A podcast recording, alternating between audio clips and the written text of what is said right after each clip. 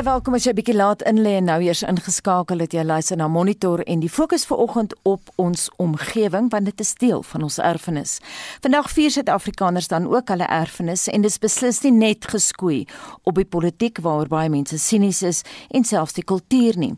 Trouens die land se omgewing, die fauna en flora van die suidepunt van Afrika is 'n trekpleiser vir toeriste en 'n plesier vir die burgers van die land. 10% van die wêreld se insekspesies kom hier voor. Vergeet van die groot 5. Die groot 10 soort goggas is baie meer interessant. Dit is altans die mening van die entomoloog professor professor Johnny van der Berg van Noordwes Universiteit en vir meer oor hierdie spesifieke erfenisskat waarvan baie van ons onbewus is, praat ons vanoggend met hom. Goeiemôre Johnny. Hallo Anita. Ek hoop daai foonlyn gaan nie probleme gee nie. Kom ons begin by die groot 10 goggas. Wat is hulle? Ja, die groot 10 is maar een is maar 10 van die omtrent 100 000 spesies wat in Suid-Afrika voorkom, maar jy weet mense kan die groot 10 ehm um, self beoordeel maar volgens my is die groot 10 ehm um, ek dink aan koringkrieke aan hierdie groot miskryers van ons wat deur die dag in die sonlig instaar en bekoor word deur die son in die dag en die maanlig in die nag en die sterre gebruik om te navigeer en dan termiete en heuningbye en dan ons groot stokinsekte wat in die Kreerpark en in die Mpumalanga laafveld voorkom. Um, en natuurlik ons baie fauna wat ons het wat bestuiving doen. Jy weet dis maar enkele van die groot 10 waarna ek kan dink. Johnny, watter relatief onbekende gogga behoort 'n baie hoër profiel te hê? O, definitief die uh, bidspringkane. Die bidspringkane of hottentotsgotte soos ons dit in die verlede geken het, ons gebruik nou nie meer daai woord nie. Die bidspringkane dink ek is die groep insekte wat meer aandag moet kry. Ehm um, dis die mooiste, dis van die skaarsste en dis die met die interessantste gedrag. Ek dink hulle moet meer aandag kry. Soos wat se interessante gedrag? O, jy weet wat uh, boonbehalwe dat hulle ehm um, uitstekende jagters is en ehm um, baie lank lewe. Party van hulle lewe jaar en 'n half. Ek dink party van hulle kan selfs 2 jaar lewe in die veld. Is is hulle vir my baie spesiaal die witspringkan en natuurlik is hulle hierdie gedrag wat hulle ehm um, party van hulle sit en wag vir hulle prooi ander maak blomme so mooi na dat as hulle op 'n blom sien jy nie eens die verskil kan sien nie en dan hmm. wag hulle vir hulle prooi om te kom land. Maar dit is nie net die gedrag van die ehm um, bidspringkane wat interessant is nie. Jy weet die bidspringkane speel 'n baie groot kultuurhistoriese rol ook in Suider-Afrika. Ehm um, as ek dink aan die Khoi en die San mense se verhaal van hoe hulle ontstaan het, is dit vir my eintlik iets wat baie mooi inpas by Erfenisdag. Jy weet die Khoi en die San mense vertel die verhaal oor van ehm um, aan die begin van die wêreld was daar 'n bidspringkaan gewees wat uh moes gaan en die wêreld gaan verken en wysheid inwin. En ehm um, hy het oor die water gevlieg want die wêreld was bedek met water gewees. En hy baie het saam met hom gevlieg en hy het later aan moeg geword die bidspringkaan en hy baie gevra om hom te help. En toe die baie ook moeg word, toe land hulle op 'n lelieblom wat op die water dryf. En stel jou nou voor dit gebeur nou hier by ons in die mm -hmm. Alagade en ehm um, die bidspringkaan is toe amper dood en hy lê op hierdie waterblom deur die nag en die volgende oggend toe die son opkom toe kom die koi eerste koi en san mense se voorvaders uit daai blom te voorskyn. O, oh, dit is pragtig gestorie dis hoekom dit die besprinkane vir my baie spesiaal is. Nou, ek weet daar's iets anders wat jou na in die hart lê. En dit is uh insekte wat sekere mense of baie mense beskou as pla, maar waarvoor ja. jy 'n sagte plek het. En ek weet jy kan lankie oor praat. Maar gee vir ons voorbeelde, Johnny. Ja, ja, insekpla lê my baie na in die hart. Jy weet die woord te plaag is eintlik 'n baie subjektiewe veroordeling van 'n spesies. Want 'n plaag is iets wat daar is wat kompeteer met ons of ons pla, maar as hy buite ons huis of ons Nieu-Seeland voorkom, dan is dit nie regtig plaag. Maar ek dink byvoorbeeld aan ehm um, ehm um, die koringkrieke. Jy weet wat baie wat wat plaas het ons meer in die droë dele van die land kry. Hulle is baie spesiaal vir my. En en en die Setswana sprekende mense sal die koringkrieke ken as uh, hulle gebruik die woord Setotojane daarvoor En die woord Setotojane kom van 'n um, ou Engelse oom wat blykbaar naaste by soos 'n koringkriek gelyk het. Hy so stadig was dik en rond en kakie klere, baie stadig rondgeloop. En dit is soos 'n koringkriek is en die oom se naam was Stout John. En dis waar Setotojane vandaan kom in uh. in Tswana om 'n koringkriek te beskryf, beskryf. Maar natuurlik is die reënboog stinkbesie wat ons soms in sojabone kry en in sorghum pragtig. Dis een van die mooiste insekte wat daar is en en hy's ook een van my gunsteling. Ek weet nie of die boere met jou sal saamstem oor daai koringkrieke nie, maar nou wil ek tog vir jou 'n belangrike vraag vra. Het peste 'n nut? Absoluut. Ehm um, die peste, die peste wat ons as peste uh ek ek gebruik die woord veroordeel is nie altyd pla nie. Dit is net binnekant in 'n boord of aan die binne aan die aan die aan die mielikland se kant van die storingdraad wat hulle plaag is. Al hierdie organismes het eh, 'n uh, plaag in die veld in die natuur waar hulle plantspesies se sade versprei of plantkeer laat sommige plantspesies ehm um, eh uh, onkruidspesies word en indring. So hulle hulle het in die natuur hulle rol, 'n baie belangrike rol in die ekologie en dit ehm um, hou die stelsel in balans. Dis net as ons groot areas met gewasse plant wat dit 'n plaag word vir ons as mens. Hoe voel jy oor muskiete? Oef, dis 'n moeilike vraag. Ehm um, muskiete het hulle rol en ek miskien praat iemand later daaroor. Muskiete se enigste goeie doel volgens my is as hulle larwes in die water is en hulle is viskos. Maar muskiete ehm um, is een van die groot 10 sou ek sê. Want ehm um, uh muskiete wat parasiete en en en siektes oordra is die plaag in in Afrika wat die meeste mense doodmaak, né? So ja. ek sou muskiete ook onder die groot 10 sit van insekte. Jy is nou besig met 'n projek Goggas is ons vriende. Wat 'n ja. soort terugvoer kry jy? Vertel ons van daai projek. O oh, ja, dit is 'n uh, dit is 'n uh, projekkie wat ek as ons tyd het ek en die studente of ek en my vrou Heila ehm um, doen hier in die dorp in Potchefstroom. Ons besoek soms uh, van die kleuterskole. Hier is ook kindertjies 5 en onder en dan hou ons 'n gogga dag daar en ons selfs in doen allerlei dinge en onder andere dis een van my die hoogtepunt in hierdie goggas is ons vriende dag wat ek hou is dat ons kokkerotte laat reisies hardloop. Jy weet en ek mag nie sê kakkerlakke nie sê die juffrou want dan gaan die seentjies weer die hele dag aan met die woord dit is kokkerot wees. So dan laat ons die kokkerotte nou reisies hardloop en mannetjies teen die wyfies en dis groot pret vir ons. En en um, en die terugvoer wat ons kry daaroor is ongelooflik, jy weet, en dit is die manier hoe ek dink ons die belangstelling kweek by ehm um, by ons mense en by ons kinders want dit is hulle erfenis wat hulle eendag mee sal moet um, wat hulle wat hulle weer kan geniet. Is daar nie 'n belangstelling onder die publiek in Goggas? Ek praat nou wye velde van mense, mense wat nie noodwendig bioloog is nie. Ja, ja, Anita baie beslis. Uh, as ek kyk hoe ehm um, wel, in die eerste plek die terugvoer wat ons kry van van hierdie Gogga daar wat ons hou en ehm um, net net navraag die publiek het jy weet onlangs het 'n uh, ingenieur my kontak uit die bloute uit wat uh, wat sê hy begin insekte versamel en ons gaan nou bymekaar kom en gesels daaroor. En ek sien dit onder die onder die mense, daar is 'n nie nuwe belangstelling in hierdie tipe biodiversiteit en die terugvoer wat ons kry oor die kinders se belangstelling wat ontwikkel is is my baie positief. Ek dink dit ons het hierso iets reg gedoen en ek hoop dit hou so in die toekoms. Baie dankie en so sê die entomoloog professor Johnny van der Berg van Noordwes Universiteit. Suid-Afrika het 'n besondere erfenis as dit kom by varswatervisse. Mense hoef net na die Wes-Kaap toe te gaan en so beveel professor Nico Smit van Noordwes Universiteit se departement dierkunde aan. Ons praat dan ook ver oggend met hom. Goeiemôre Nico. Môre Anita. Vertel ons meer van Suid-Afrika se viserfenis. Jong Anita, ons is reg bevoorreg met 'n ongelooflike natuurerfenis wat dan die visse insluit. En um, en as ons kyk na Suid-Afrika se varswatervisse, daar's so omtrent 150 verskillende spesies wat ons wat ons kry.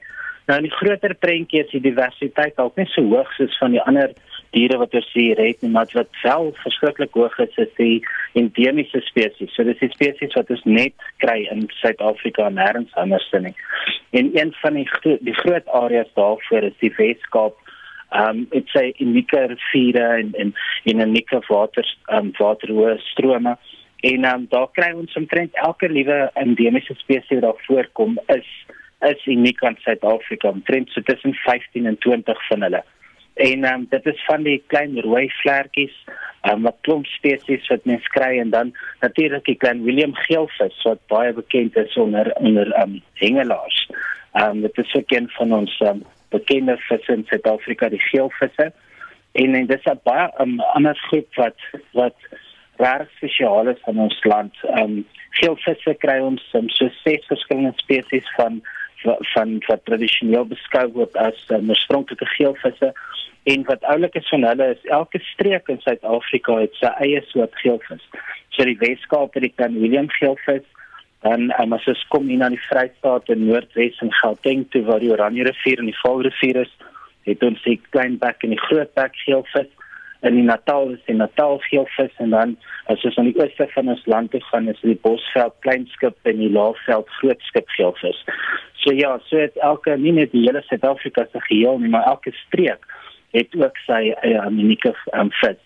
Ehm um, dan as ons kyk na hoe hoe ons um, hierdie visse waardeer, byvoorbeeld sporthengel is reg een van die groot um, aktiwiteite en en 'n aktiwiteit wat reg ook mooi na ons natuur kyk waar mense kan in die uitgaan en som vals um, gesinne en kinders almal saam dit geniet en en um catch and release is veral vir ons 'n baie groot uh, groot voorreg om te kan deelneem veral in roofvisse soos die geelvis. Uh mhm. -huh. As jy dink aan die aan die groot bek geelvis Hy kan tot 20 kg word. So dit is 'n ongelooflike vis om om uit te hengel te kry, ja. Om uit te trek en dan weer terug te gooi. Maar die ja. feit dat ons visse so uniek is, het te doen met die waterstelsels of hoe Nico, hoe werk dit? Ja, so die so um die drie verskillende um groot waterstelsels wat unieke visse het is aan die ooste van ons land um so waterstelsels is nog is tradisioneel histories gekonnekteer, evolusionêr gekonnekteer aan die res van Afrika. So dis hoekom jy sal die visse in die riviere wat um wat um, oosvloei um sal dieselfde wees as baie van die wat ons skryf verder noord in Afrika. Soos byvoorbeeld die Pongola se visse waar ons die tiervis kry en en ander visse wat net verder noord kry, die suidelikste, mees suidelikste verspreiding van baie van Afrika se se varswatervisse. So dan as jy gaan na die Oranje rivierstelsel toe, dan begin dit al meer uniek word want die die um, konnektiwiteit tussen die Oranje rivier en die Vaal rivierstelsel in die res van die Afrika is is uh, baie minder. En dan as jy by die Weskaap kom, die Weskaapse riviere is al vir miljoene miljoene jare afgesonder van die res van Afrika en dit sou kom ons daar al die unieke endemiese spesies kry.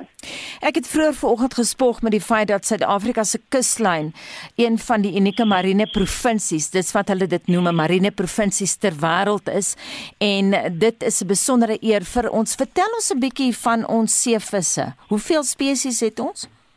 Kyk ons het daar is dit 'n heeltemal ander soort seevaartsoorvisse want ons diversiteit is net ongelooflik. Um, ons het tussen 2200 en 2800 um, spesies vis wat om die kus swem en um, en vir dit regtig ongelooflik maak en dit skakel in by die marine provinsie is dat die hele wêreld is ingedeel in 12 verskillende um, ekostreke of of um, provinsies en hierdie marine provinsies en dit gaan oor hoe uniek daai areas is. En um, net suidelike Afrika se kus wat insluit die deel van Namibië om ons kus tot by Mosambiek is so um, een van daai provinsies op sy eie en dit is gebaseer op hoe uniek ons ons visse en al die ander marine organismes is. En die rede dat ons hoekom dit so is in Suid-Afrika, so ons perfek geposisioneer tussen hierdie twee oseane en so in ons Indiese Oseaan is die uh, is die stroom warm stroom Mosambiek stroom wat afkom van die trope af en dan ons Weskus die Atlantiese Oseaan kry ons hierdie koue stroom Benguela stroom wat kom van Antarktika af en waar hierdie twee strome meng aan ons suidkus is seker die hoogste endemiese area in die hele wêreld. Hmm. So so van ons 2700 spesies is amper 300 van hulle net uniek in Suidelike Afrika. En dan is dit nie net spesifieke hierdie spesies en daai spesies nie, maar groepe van visse, families van visse, ehm um, kry jy net in Suid-Afrika se kus voor. So byvoorbeeld klein klipvisse, hierdie rotspoelvisse wat mm -hmm. ons as kinders nou nog vang met netjies in die in die rotse. Ehm um, die hele familie, familie Clinidae, is met omtrent 38 spesies kry net in Suid-Afrika se kus. So ook nie net nie net die visse nie, maar die haie ook. Ons het hele families van haie soos byvoorbeeld die skaamhaie. Mm. Ehm mm. um, wat dan mens baie maklik sien hulle ook tot in rotspoeltjies, maar duikers en mense wat gaan snorkel bietjie dieper in sien baie van hulle. Al die spesies van skaamhaie kom net in Suid-Afrika voor. Nêrens anders nie. Ek sou baie lank nog met jou wou gesels, maar ons moet afsluit. Ek wil tog hê jy moet ons vertel want baie Suid-Afrikaners dink dat die snoek is ons nasionale vis. Sê tog wat is die nasionale vis? So is nasionale vis is die galjoen. Ook een van die endemiese baie unieke spesies wat jy net in ons kus kry. Geef ons nog een eienskap oor die galjoen, ek wil ook weet.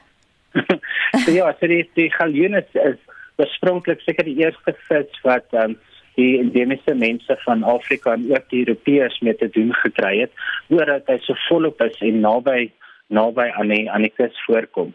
En ehm um, so toe die Hollanders die galjoen gesien het, het hulle hulle laat dink aan die galleons, hulle hulle vegsbote omdat dit so ehm um, robuuste vis is en verskriklik goed veg aan 'n lyn.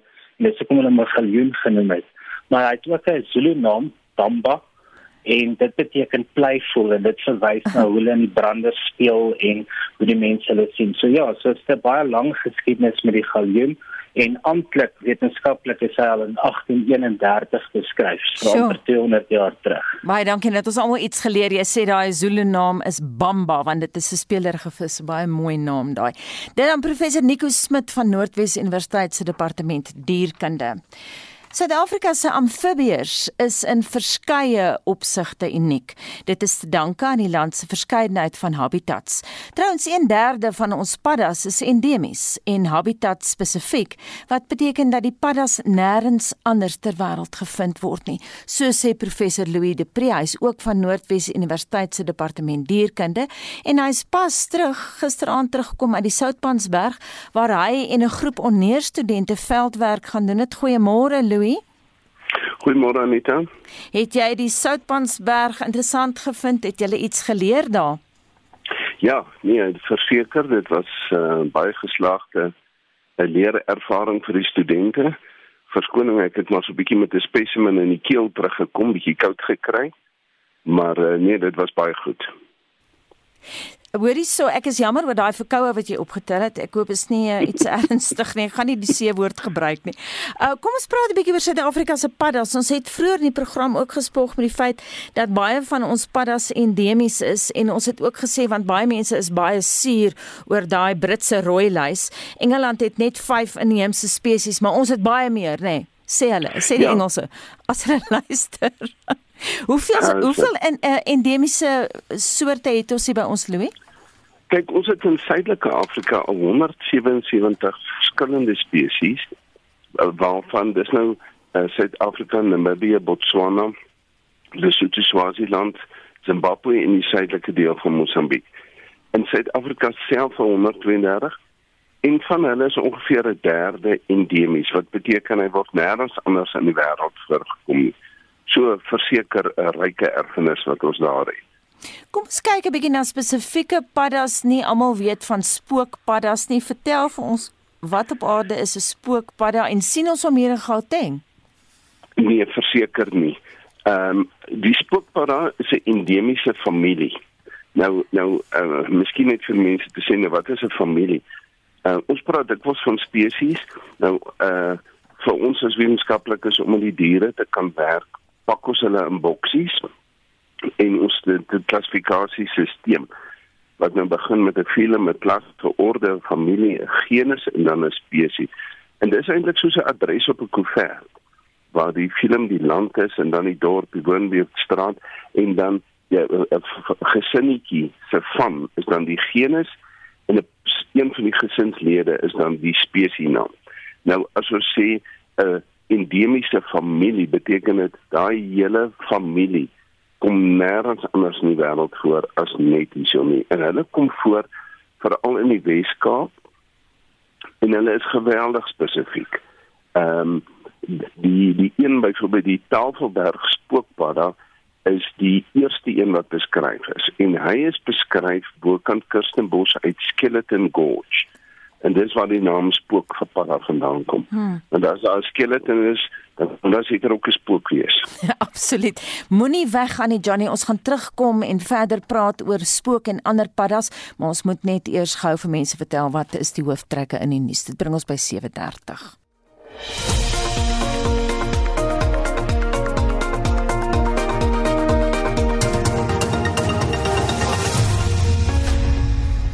Terug na spook en ander paddas toe as jy laat ingeskakel het. Ons fokus ver oggend op ons erfenis, maar spesifiek Suid-Afrika se fauna en flora. En ons praat met professor Louis de Pre van Noordwes Universiteit se departement dierkunde. En hy stel baie belang in ons paddas en daar's baie om te vertel oor hulle. Ek het ook vroeër ver oggend Louis, het ek in die program genoem van die feit dat daar doofstom paddas is. Hoe dan so? Ja, dit is eintlik dit is 'n interessante groepie daar in op die Kaapse Vouberge kom 'n uh, paddatjie voor wat ons noem Kapensie boefou en dis dan die bergskurwe paddatjie die dwergskurwe paddatjie. Ehm um, en interessant, daar's 'n paar van hulle wat glad nie roep nie en ook nie ore het nie. So ek dink hulle is op sign language. Ehm um, hulle hulle het baie klein broeigebiede So die roep is nie nodig om die wyfie oor 'n lang afstand te roep nie. Ehm um, en hulle het hulle vermoë om te roep heeltemal verloor. Mm, maar hoe oorleef 'n doofstom diertjie in die natuur? Ja, wel alles alles geweldig kripties, baie baie moeilik om hom om hom te sien en uh, en en en hulle is so aangepas. Alles aangepas. Kyk, die padda gebruik sy roep grootendeels om ehm um, sy maat te lok en nie so seer om gevare te vermy nie. Hulle het ander vermoëns. 'n Padda hoor byvoorbeeld deur sy voorbene. So hy het nie ore nodig of oortromme nodig in, in alle gevalle nie. Vanaf sy voorbene is daar 'n spiertjie wat gaan na die uh, middeloor toe en kan hy enige trilling of vibrasie optel hmm. deur sy voorbene en dan natuurlik het hy het hy enige ehm um, warmbloedige dier kan hy daai uh, naderende hitte voel hy baie vinnig aan en kan hy kan hy wegkruip. Dis baie interessant hulle hoor deur hulle voorbene. Reënpaddas, wat maak hulle besonder? Die reënpadda of die uh, wat hy mens noem hulle blaasoppies, hulle loop roep uh, letterlik net voor dit begin reën as die barometriese druk val dan begin hulle fluit en ons het 'n baie mooi verskeidenheid. Die hele klompie van hulle hier in Suidelike Afrika daar's wel so een of twee spesies net so noord van Suidelike Afrika maar kom nêrens anders in die wêreld voor nie. Nou hierdie paradjies het nie het glad nie water of um, oop water nodig om te broei nie. Hulle het geen vryswemmende parafisie nie. Hulle maak 'n nesie in klamgrond waar die wyfie dan groot eiers so groot soos 'n ertjiekorrels lê en dan boop hulle lê sy 'n paar onbevrugte eiers. En die parafisie wat dan uitbroei, hulle klits dan met hulle stertjies hierdie onbevrugte eiers tot 'n skuim. En dis hoe hulle suurstof kry hmm. en dan ondergaan hulle hulle hele ontwikkeling in die grond en uit die grond uit klim dan hierdie miniatuur paratjies. Maar die die die mannetjie is baie baie kleiner as die wyfie en die die wyfie lyk soos 'n golfbal. So paring is geweldig moeilik by as ons nou moet dink hy mannetjie moet die wyfie vasgehou kry. So hy skei 'n gom op sy bors af en hy plak hom letterlik agter op die wyfie vas en sy sleep hom maar saam soos 'n venterwaandjie. Louis net laastens, ons gaan nie by al die vrae kan uitkom nie. Daar's so baie om te vra, maar die diversiteit van paddas hier in Suid-Afrika, hoe vergelyk dit met ander wêrelddele? Ons het ehm um, nie die rykste diversiteit nie, soos vat Madagaskar wat nou hier naby ons is, het oor die 400 verskillende paddas waarvan net 2 nie endemies is nie. Maar vergeleke byvoorbeeld met Europa, het ons 'n baie baie ryk ehm um, verskeidenheid. En ons groot erfenis lê daarin dat 'n so 'n groot persentasie van hulle endemies is en dit hou verband met ons plante groei en ons ehm um, unieke habitat en veral die fynbos. So die Weskaap is vir ons 'n sentrum van endemisiteit. En, en dit is so belangrik dat ons ons habitats bewaar want 'n uh, padavriendelike habitat is 'n omgewingsvriendelike habitat vir alle ander diere ook. Baie dankie en daai pleidooi kom van professor Louis de Pre van Noordwes Universiteit se departement dierkunde. Heinrich, wat se terugvoer het jy? Anita Leroux Bessinger skryf op 'n lighartige noot: "My grootste bekommernis is dat muskiete vrypas het in die wêreld agter bakse faabonde. Hulle bekruip jou van agter in die skemernag, hulle vlieg weg met 'n vol rooi magie, dan begin die muskiete jag." Maar ons het net nou in jou gesprek met die entomoloog professor Johnny van den Berg gehoor dat muskiete die insek is wat die meeste sterftes of mense in Afrika doodmaak. En ja. dis natuurlik weens malaria, né? Uh Elise het weet die spekboom en die kookstertjie, dis haar gunstlinge. En dan uh, sê ehm um, Johan Bekes, hy voer voëls nou al in sy tuin vir baie lank en hy het al 37 verskillende soorte voëls daar getel. Pieter van Rustenburg en Jakkie van die Weskus, hulle het albei geweet die nasionale vis van Suid-Afrika is die galjoen. Maar Johan sê dis die geelvis. Mm -mm. Dit is definitief die galjoen. So ek en Johanne gaan nou agter in die stoutste hoekie moet gaan sit daaroor. 4589, dis waantoe jy vir ons jou terugvoer stuur oor die fauna en die flora van Suid-Afrika. Mens strei nie met 'n professor in dierkunde oor sulke goed nie, Heinrich. Openbare vakansiedag beteken nie dat die sportvelde stil en rustig is nie. Ons praat nou met Pieter van der Berg. Goeiemôre Pieter. Môre sê Anita. Kom ons begin by die Bokke en die All Blacks wat natuurlik môre speel in hulle Eeufees rugby stryd teen mekaar en hulle speel in Australië. Maar die Blitsbokke is ook op die veld. Gee gou vir ons al die rugby nuus. Ja, die rugby kampioenskap is natuurlik uh, môre die onderste toets soos jy sê, dis in die twee lande, die All Blacks het 59 daarvan gewen teenoor Suid-Afrika se 36 met vier wat gelyk op geëindig het. Nou gekyk na die spanne dan en Jacques Ninaber het vyf veranderinge aan sy 23 tal gemaak vir môre se wedstryd. Die twee veranderinge in die beginspan is Lode Jager wat terug is in die nommer 5 trui en dan Kwagga Smit, hy sal op flank uitdraf. Franco Mostert, Herschel en Elton Jantjies asook Frans Steyn is op die basisvervangersbank gekies. En dan die All Blacks het agt veranderinge aan hulle span gemaak wat maklik met Argentinië klaar gespeel het die afgelope 2 naweke. Ses van die voorspelers is vervang en dan baie interessant, die drie derde broers is al drie in die beginspan opgeneem. Die afskop is môreoggend om 5 minute oor 9, Suid-Afrikaanse tyd en natuurlik sal daar gereelde verslae wees deur Johan Rademan oor daardie wedstryd. En dan net daarna om 5 minute oor 12 speel Australië teen Argentinië op dieselfde veld. En dan moet ons ook net uh, loer na die wêreld sewe toernooi soos jy genoem het, hulle is weer op die veld verlede naweek uitstekende naweek beleef toe hulle daar die eerste been van die wêreld sewe toernooi gewen het. Nou môre se toernooi is in Vancouver en uh, nou ja, die nie verskoning verlede naweek sou is in Vancouver en dis uh, daar ons met Groot Brittanje afgereken het in die halfeind en toe in die eindstryd met Kenia klaar gespeel het 38-5. Nou uh, Die droomspan wat gekies is na verlede naweek, uh, daar was vier blitsbokke opgeneem: Ronald Brown, Angelo Davids, Dewald Iman as ook Ryan Oosthuizen. Nou uh, Edmonton, dis waar die fokus is dan vir die naweek vir die tweede been van daardie reeks.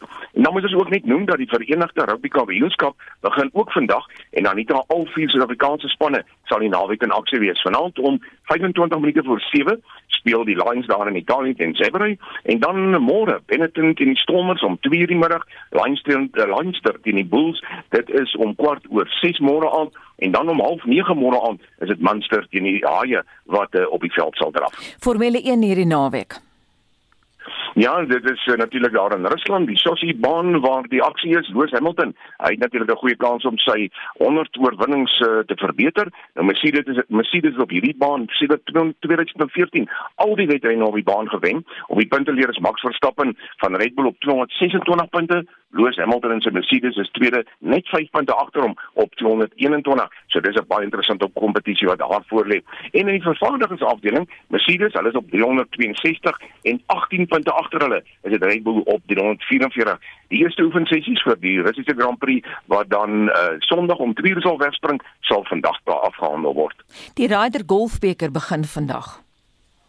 Ja, baie interessante spankompetisie wat twee jaarliks tussen die FSA en Europa Europa gespeel word. Nou die uh, aksie is daar in Wisconsin en uh, dit is die 43ste keer dat hierdie kompetisie sal plaasvind.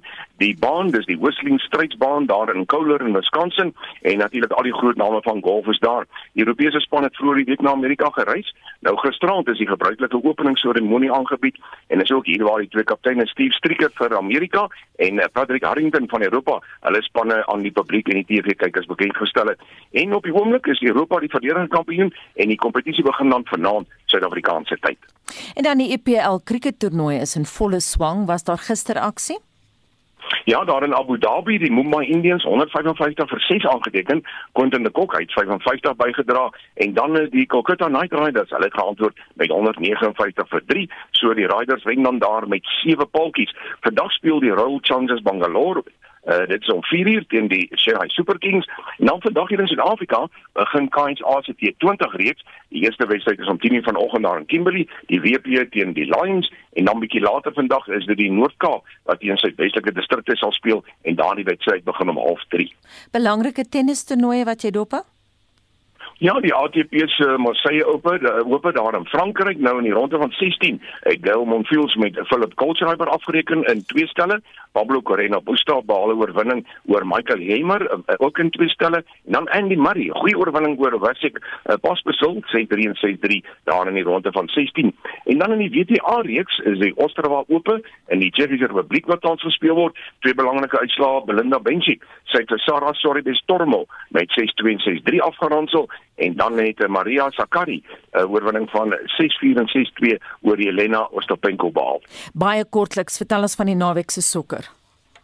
Ja, vanaand in die uh, eh, DStv se Premier League, een wedstryd, dis Swallows teen Cape Town City, dis om 5:00 vanmiddag en dan môre is daar vyf wedstryde. Ons gaan aandag gee op RSG uh, aan die wedstryd wat om 3:00 begin Orlando Pirates teen Mamelodi Sundowns. Een môre sal verslag doen oor daardie wedstryd en dan môre in die Engelse Premier League, 'n hele klompie wedstryde, maar die twee grootes, Chelsea teen Man City om 0:30 en Man United teen Aston Villa.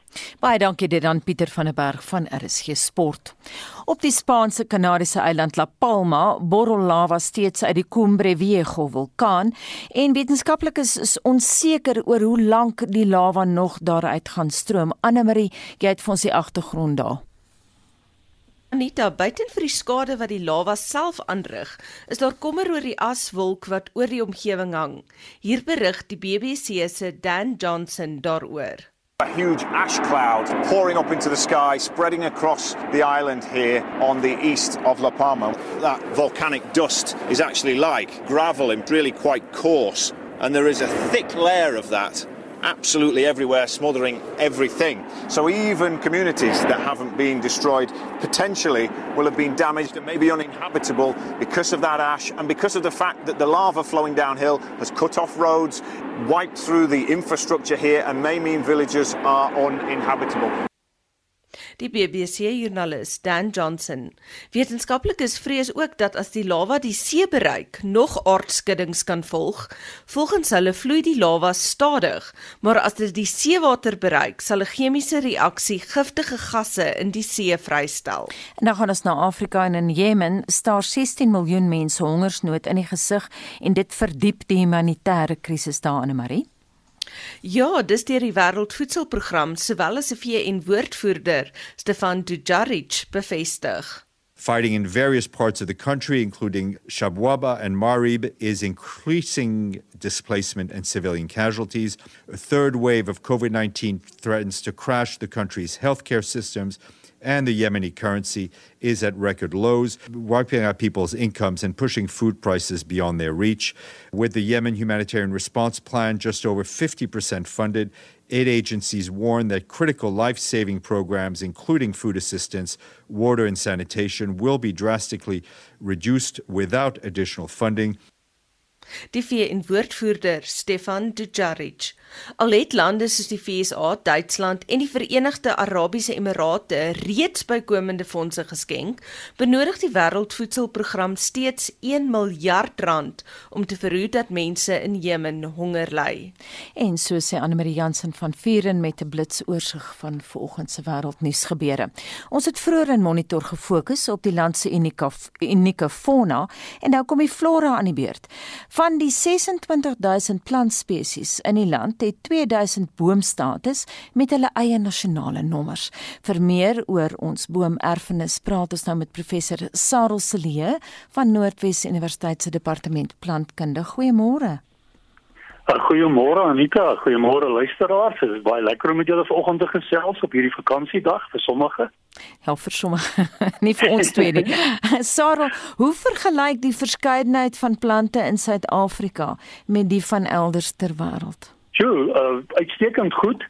Ehm um, jy het genoem van die ongeveer 26000 blomplantspesies um, in vergelyking met die 15000 van Australië en die 6000 in Kanada wat oppervlakkigewys baie groter is as as uh, Suid-Afrika uh, dan is dit nogal heel goed. Uh, ons lê sesde in die wêreld in opsigte van plantspesiesrykheid. Maar uh, ek dink dit is belangrik om te sê ons groot uniekheid lê in die verskeidenheid van ons habitat en verskeidenheid van ons ekosisteme. Um, ons het met biome uh nie bome nie biome. biome. Wat verskil in plantegroei samestelling en struktuur en dit word gedryf deur makroklimaatspatrone soos reënval en temperatuur um, en ook topografie ek gaan net rofweg vinnig net noem en uh, weet daar's nie baie tyd nie maar mm -hmm. as mhm. ons rofweg kyk in die noorde van ons land het ons die savannas en die grasvelde um, in die sentrale gedeeltes is meer die Nama Karoo die ooste het ons woude regtes en die Indiese Oseaan kusgordel in die suide in die winterreënvalsgebiede het ons die fynbos en die sukulente Karoo en hulle twee saam vorm een van die ses floristiese ryke in die wêreld. Hmm. Dis die kleinste ryk, maar dis ook die enigste floristiese ryk in die wêreld wat net binne die grense van een land voorkom. Ja. En wat wonderlik is van hierdie ryk is dat uh, dit bevat 40% uh 9000 van ons plantspesies waarvan amper 70% endemies is. Hmm. Uh en dan word dit hier voorkom. Alles deel so, van ons, ons erfenis. Ons wonderlike natuurerfenis, maar ons wil nou 'n bietjie op bome op bome fokus vandag, né? Nee. Ja, absoluut. Ek wil net vir jou vra, daar's 'n groot debat aan die gang ook hier in Johannesburg oor uitheemse bome. Jy weet daar's mense wat hulle tuine ingaan, hulle kap ja. alles wat uitheems is uit. Het uitheemse bome nou jou mening waarde? Ja, absoluut. Uh, ons het, kom ons begin net gou, daar's ook 'n nasionale lys van van inheemse van uitheemse of ingevoerde bome Daar's so 1000 spesies op die lys, maar daar's nog 'n verdere 1000 wat nog die lys kan haal. En ons moet mooi dink, hoekom is daai spesies ingevoer? Hulle is ingevoer omdat hulle een of ander belangrike eienskap het wat vir die mense waardevol was, as voedsel of hout of of ornamenteel. Ehm um, en ook baie spesies is ook uit die koeler gematigde streke van die wêreld ingevoer om uh, om op te maak vir die tekort aan inheemse bome in ons koue grasveldboom. Jy weet, jy weet op die hoëveld is daar baie min bome wat kan wat kan bestaan. So met ander woorde vorm ook deel van ons erfenis. En en baie mense beskou dit as 'n negatiewe deel van ons erfenis mm. uh, omdat 'n klein persentasie van hierdie spesies uh, in natuurlike gebiede indring en en dit verwyder moet word uh volgens wetgewing en is ook ingesluit in die lys van indringende spesies. Maar um, as 'n stedelike ekoloog fokus ek nie net op biodiversiteit nie, maar ook op ekosisteemdienste. So hierdie uitheemse spesies, selfverklaarde indringer spesies, kan baie belangrike uh, dienste verrig vir vir mense om hulle gesondheid en welstand ook uh, te verbeter, net soos die net soos die inheemse spesies. Dit dit maak natuurlik saak waar die bome staan, hè. In sommige gebiede, veral in en om stede, waar daar nie gevaar is vir indringing in natuurlike gebiede nie en, en waar dit ook nie binne die 1 tot 50 jaar vloedlyn is nie, moet ons uh, 'n uh, tipe van 'n verdraagsaamheidsbeginsel eintlik toepas. Mm. Want hierdie uitheemse bome reguleer ook die klimaat. Hulle verwyder ook besoedelingsstowwe uit die lug. Hulle stabiliseer ook die grond en voorkom ook erosie.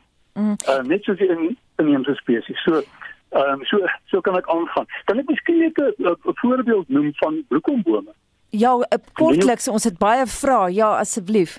O, o, moet moet ek nee, moet ek noem met die bloekombome nee, nee, later vra oor hulle. Nee, noem dit vinnig, ons het nie so baie tyd nie. Hulle benodig baie water, so baie mense is teen bloekombome gekant. Verskriklik. Ja, vir my gevoel was so van Betta was om om hulle te verwyder. Ehm um, en en dis reg, hulle gebruik baie water, maar ons moet hulle nie net goed moet verwyder nie. Ons moet individueel ook na hulle kyk. Uh, net om 'n voorbeeld te noem, baie boere is totaal afhanklik van bloekombome uh, as 'n bron van nektar vir hulle vir hulle baie en want hierdie bome voorsien groot hoeveelhede nektar oor 'n lang tyd. Gelukkig is wetgewing nou nou baie duideliker gemaak dat nie alle bloekomboomspesies net voor die voet verwyder moet word. Nou ek kan nog baie stories oor bloekombome vertel, maar daar's nou nie tyd. Sarel, hoeveel hoeveel boomsoorte sarel word tans bedreig in Suid-Afrika? Uh, ons moet mooi onderskei tussen beskermde boomspesies en bedreigde boomspesies. Dis twee dis twee verskillende aspekte. Daar's verskillende kriteria wat gebruik word om hulle te identifiseer, verskillende wetgewing betrokke. Uh volgens die National Forest uh, Act van 1998 is daar 47 beskermde boomspesies mm -hmm. uh, in Suid-Afrika. Dis bome wat nie afgesaag of versteur of beskadig of vernietig moet word nie en so meer sonder 'n lisensie van die van van die departement omgewingsake bosboomrye. Nou dit is spesies in kan ek vinnig maar 'n paar noem. Uh kameeldoring, kermetarp, -hmm. witgat, aardekool, silverboom, kusrooi melkhout, stinkhout, mm nie wit stinkhout nie, die meubelstinkhout, appelblaar, ons vier geelhout spesies, kiaat, marula witmelkhout, klein William cedar en van van hierdie klomp wat ek nou genoem het is net 4 is bedreigde spesies. Uh, bedreigde spesies volgens ehm uh, die International Union for Conservation of of Nature en volgens ons biodiversiteitswetgewing. En dit is die silverboom van die Kaap, die stinkhout en die klein William cedar. So daar's nog nege ander van hierdie ehm um, beskermde bome wat ook bedreigde bedreigde spesies is. Sarel net laastens, wat beskou jy as die grootste bedreiging vir Suid-Afrika se bome? Sjoe, daar's daar's 'n hele klompie. Ek dink in die eerste plek habitatvernietiging uh vir ontwikkeling, vir stedelike ontwikkeling, maar ook landbou en ander ontwikkeling. En dan 'n baie belangrike uh, aspek is oningeligtheid van mense. Ek dink mense is baie oningelig uh veral ook oor uitheemse bome dat net koets moet voor die tyd voor die voet verwyder en nie ook dink aan die ekosisteemdienste nie. En dan dink ek alle luisteraars sit nou reg op want daar daar's natuurlik 'n groot probleem van die uh 'n uh, patogeen probleem wat die die, die stompkopkee wat ook bekend is die polyphagus shothole borer is besig om mm. ons bome uit te roei. Uh, en dis onrusbaar in die feit dat daar nou nog nie 'n um, enige chemiese middel geregistreer is wat teen die kewer en ook die die fusarium fungus wat hy wat hy saambring wat eintlik die dood veroorsaak van die bome het nie. Daar so nou en dan is daar is daar sulke aansprake van wonderkure, maar sover is die enigste uh effektiewe manier om om hierdie siekte te bestry is om die geïnfekteerde dele te verwyder en en dan ook te uh te vernietig. En en wat baie onrusbarend is, nee, dis dis meer as 200 spesies, inheemse en uitheemse spesies. Mm wat al wat al uh, dood is van van hierdie. So ons weet nie wat die toekoms inhou nie en dit lyk nogal donker. Baie dankie en so sê professor Sarel Celee van Noordwes Universiteit se departement plantkunde. 753 hier is Leon van Nierop met sy fliekrubriek. As die naam Clarice bekend klink, dit herinner jou dalk aan Clarice Starling, die FBI agent wat destyds met Dr Hannibal Lecter gekommunikeer het in die film The Silence of the Lambs. Maar wie was Clarice nadat sy met Lecter die mekaar geraak het en watter invloed het hy sielkundig op haar gehad? Dit is waaroor haar bevelvoerders bekommerd is en dit is waaroor die sogenaamde voorafverhaal of prequel Clarice wat jy nou kan stroom gaan. Ongelukkig werk die reeks nie heeltemal nie. 'n Mens moet in gedagte hou dat die voorafgaande roprente, asook die Thomas Harris romans, so kragtig was dat enige nabootsings of pogings om daaruit min te slaan mosterd na die maal is. Dus Clarice is 'n van natreksel van wat Jodie Foster byvoorbeeld in The Silence of the Lambs deurgegaan het. Alhoewel Clarice in hierdie weergawe kommunikeer met die slagoffers van Lecter en self in 'n gruwelike situasie beland. As jy van die karakter gehou het, dit neem lank om aan Rebecca Breeds, die aktrise wat nou Clarice speel, gewoon te raak en sy kwyt haar redelik goed van haar taak, maar is nie werklik Clarice nie. Die vorige vertolkings was net te sterk. Clarice is nou op Showmax 5 uit 10. Dan open 'n vervolg op die gewilde The Boss Baby, naamlik The Boss Baby Family Business vir die lang naweek in Roprent teaters. Onthou, fliekteaters is volkome veilig en gesaniteer en in vlak 2 mag meer mense per teater toegelaat word en daar is ook nou aandvertonings. Dis onmoontlik om te dink hoe hulle 'n vervolg op The Boss Baby waarin Alex Baldwin se stem die baba gespeel het kon uitdink, maar los dit vir Hollywood om 'n vervolg so ver gesog uit te dink dat selfs pikkies daardeur kan sien. Ver gesog oorskry hier alle perke. In elk geval, die twee boeties word weer babas en kleuters en moet 'n krisis oplos. Kleuters en jonges wat nie eers weet wat 'n resensie is nie, sal dit geniet en skaterlag vir al die kleurvolle en uitspattige manuale wat deur die babas gaan. Vir hulle en vir ouers wat sommer net wil sit en in hulle gedagtes dink oor waar hulle nou kon vakansie gehou het, mag dit werk. Maar wat my betref is dit uitsluitlik vir onder 12s. The Boss Baby Family Business kry 6 uit 10. Onthou dit wys net in fliek of rolprent teaters. Laastens, vir luisteraars wat na iets soek met meer om die lyf, is daar die dokumentêr The Women and the Murderer. Onthou die naam The Women and the Murderer. Dis gegrond op die ware gebeure van die 90's toe 'n psigopaat Guy George sewe meisies vermoor het. Toe die polisie niks kon doen nie, het 'n groep vroue, waaronder die ma's, familie, polisievroue en advokate, dit op hulle geneem het om die monster vas te trek en te sorg dat die glibberige kaland nie wegkom nie. Dis 'n fraas met stem oor vertellings en is alleen gerig op mense wat van kunsfilms of dokkies hou. 8 uit 10 The Women and the Murderer dis nou op Netflix. Volgende week resenseer ek die nuwe James Bond No Time to Die wat op 1 Oktober slegs in fliekteaters begin en nie gestroom kan word nie. Lees die resensies op rsg.co.za en klik op fliekrubriek. Dit dan Leon van Nierop. Dr Willem Botha van die Woordeboek van die Afrikaanse Taal bespreek nou ons koserfenis en fokus op die woorde denningvleis, bobotie, kaings en perdevoete. Afrikaans en ons kookkuns is twee belangrike elemente van ons erfenis.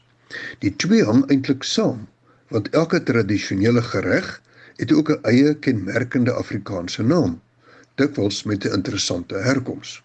Denningvleis is 'n tradisionele vleisgereg van die Kaapse moslems, gemaak van vars skaap of beesvleis in 'n smaaklike sous berei met byvoeging van russies, kaneel, tamaryn en eie. Denning kom uit Nederlands den ding wat in 1827 vir die eerste keer opgeteken is en wat op sy beurt weer kom uit Maleis den ding met die betekenis repies gekruide droë vleis. Volgens Cass Abrams, bekende Kaapse chef, is die resep vir denningvleis die eerste resep wat in Suid-Afrika in gedrukte formaat verskyn het. Almal van ons ken bobotie En dit is ook die gereg wat ons graag vir buitelanders maak as voorbeeld van ons koserfenis. Dit is 'n gereg van gemaalde vleis wat onder andere curry, brood, eiers en eie bevat. Die woord boboti kom waarskynlik uit Maleis bumbu wat beteken curry speserye en kruie. Die oorspronklike weergawe is ook bobotok genoem en is in piesangblare gaar gemaak. Die Nederlanders het die maalvleis bygevoeg vir die moderne weergawe van boboti. Meer tradisionele lekkernye as melktert en koesisters sal jy moeilik kry. Volgens oorlewering is die oorspronklike resep vir melktert ook van Maleise afkoms. Koeksister is waarskynlik uit koek en suster gevorm met suster vervorm uit sisser, iets wat in kokende olie sis. Koeksisters word in vet of olie gebak en warm warm in 'n koue soetstroop gedompel. Vroer op komando of tydens togreise is dit ook ridder of stormjaar genoem. Koeksisters is egter ook sonder 'n rysmiddel aangemaak en wel van meel, sout en water en in vet gebak en dan was dit taai, swaar en klewerig en is willebeeskuiing, beeskuiing boerekuiing, deegkuiing, dopperkuiing, kwaggakuiing en moerkuiing genoem. Perdevoete is klipmossels wat net soos wit sandmossels en swart sandmossels in 'n heerlike geurende seekosgereg omskep kan word. Dan is daar ook nog slinger om die smoel, 'n ander naam vir melksnysels. En dan is daar nog baie ander egte en soms vermaaklike Afrikaanse kosname. Willem Botha, hoofredakteur van die WAT, die monitorspan groet en wens ons redakteur Wessel Pretorius 'n baie gelukkige verjaarsdag toe. Ons uitvoerende regisseur Nicoline de Wee, die produksieregisseur Daitron Godfrey en ek is Anita Visser.